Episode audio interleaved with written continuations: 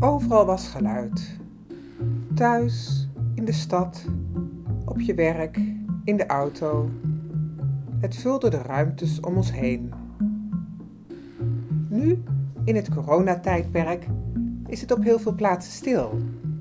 De straten en stranden zijn stil, geen festivals meer, Schiphol is leeg en zelfs de kloosters maken nu een verlaten indruk.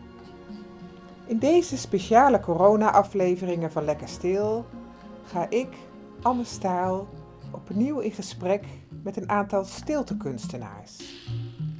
Door de telefoon vertellen ze hoe ze de tijd ervaren. Is het lekker stil of ongemakkelijk stil? Samen tasten we opnieuw de grenzen van de stilte af.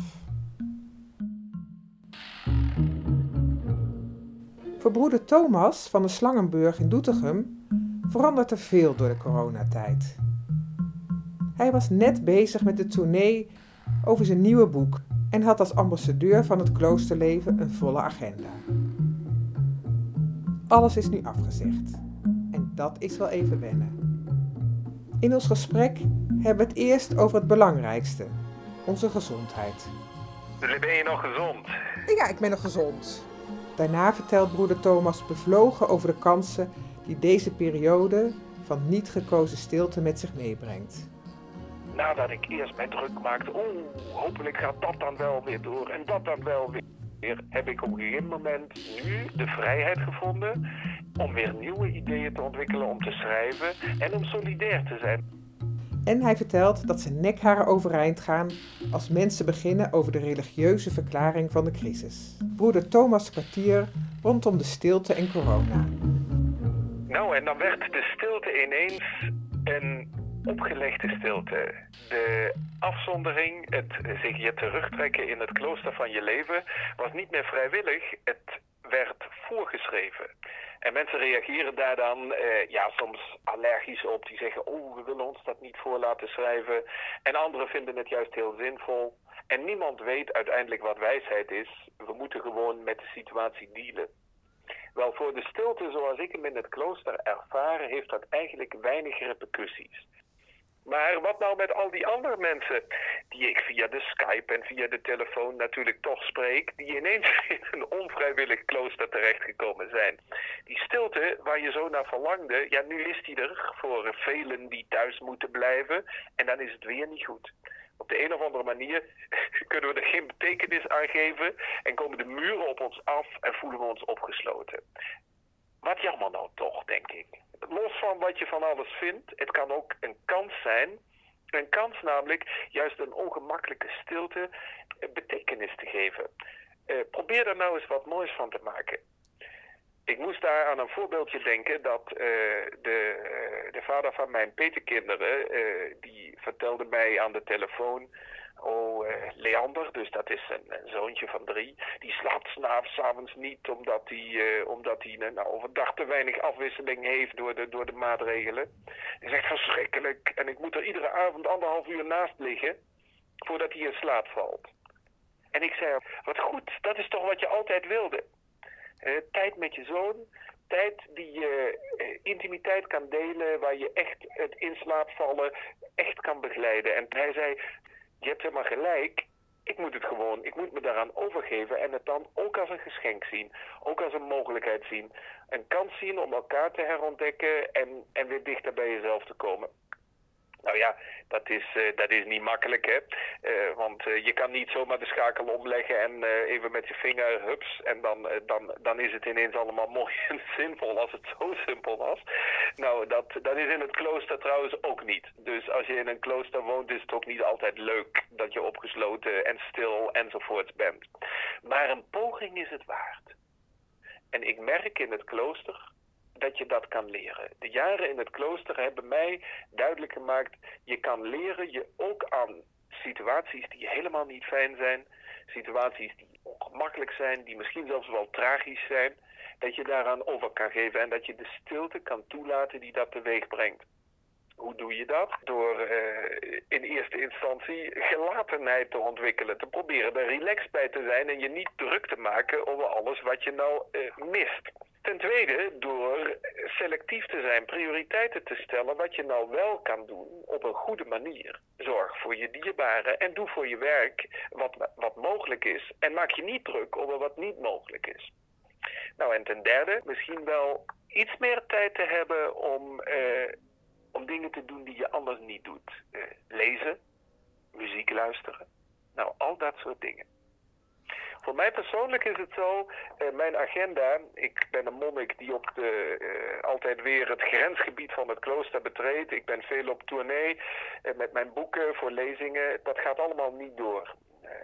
alsof het zo heeft moeten zijn, vind ik het heel jammer voor iedere lezer van mijn boeken die ik niet kan ontmoeten bij de lezingen die gepland waren. Maar het geeft mij nadat ik eerst mij druk maakte, oeh, hopelijk gaat dat dan wel weer door en dat dan wel weer, enzovoort, enzovoort, heb ik op een gegeven moment nu de vrijheid gevonden om weer nieuwe ideeën te ontwikkelen, om te schrijven en om solidair te zijn, om meer tijd vrij te maken, gewoon tot rust te komen. niet alleen voor mezelf, maar ook voor de mensen die het veel moeilijker hebben dan ik, die in de zorg werken, mensen die ziek zijn, enzovoort. En iedereen die zich druk maakt. Nou, als, wij nou iedereen eens beginnen ons wat minder druk te maken, dan is de crisis misschien wel al veel meer een uitdaging en niet een of ander doemscenario. Nou ja, eh, dat voel ik ook helemaal niet zo. Ik vind het totaal geen doemscenario. Ik vind het een uitdaging. Ik vind het iets wat eh, bij alle uh, beproeving die erbij zit en bij alle zenuwen die het kost, ook een, uh, ja, ook een kans is voor een, voor een recharge. En daarvoor moet je soms eventjes de batterij helemaal leeg hebben om hem opnieuw op te kunnen laden. Ik merk dat ik me nu alweer druk maak wanneer zou het nou eindelijk weer doorgaan, wanneer is het weer voorbij. Het volgende lesje in monastieke stilverstilling is uh, niet druk over maken, je merkt het wel. Ja, en denk jij ook dat we dit um, op, over onszelf hebben afgeroepen?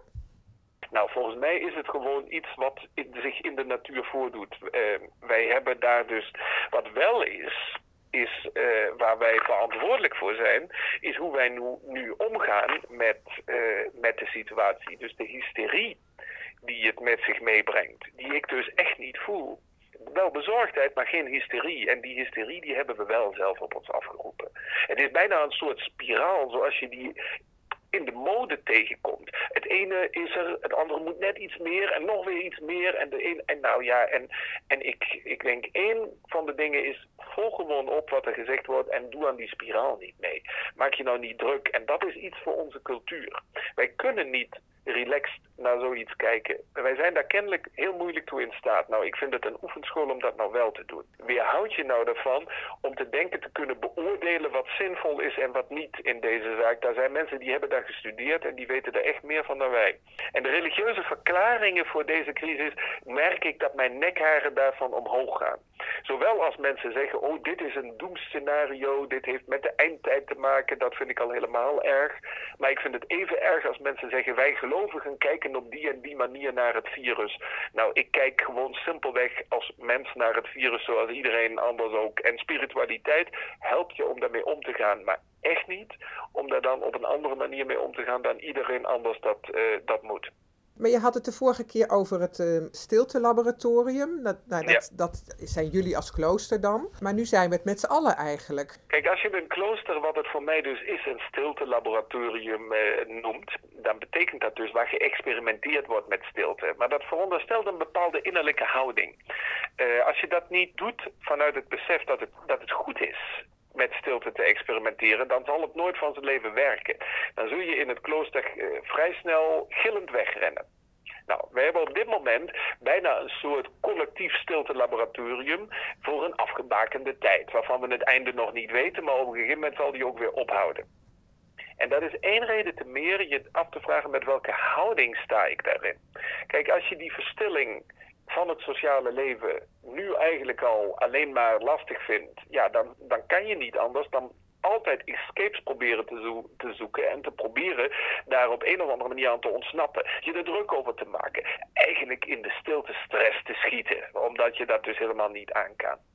Nee, werk aan je houding en probeer dus voor een bepaalde tijd, net als een kloosterbezoek, die verstilling als kans te zien. Al heb je er niet zelf voor gekozen.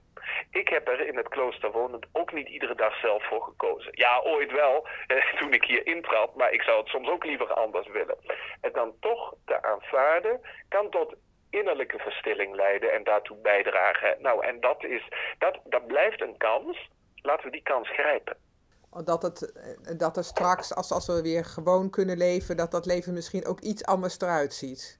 Ik weet niet of het leven er echt anders uit gaat zien als die crisis weer voorbij is. Als, als sommige mensen voor zichzelf daar eh, inspiratie uit putten en, en anders in het leven staan, is het al heel mooi. Je hoorde net het telefonisch gesprek met broeder Thomas rondom de stilte en corona. Wil je horen hoe broeder Thomas normaal gesproken met stilte omgaat? Over het stiltelaboratorium en waarom hij vindt dat stilte radicaal is? Luister dan naar de andere podcast van Lekker Stil. Natuurlijk heb ik in Klooster Doetinchem ook een uur stilte opgenomen. Er zijn ook andere stiltekunstenaars, opnieuw geïnterviewd over stilte in coronatijd. In mijn andere podcast van Lekker Stil hoor je deze mensen en anderen over de kracht van stilte, de pracht van de ochtendstilte en of je stilte nou zoekt in jezelf of stilte om je heen. Veel plezier!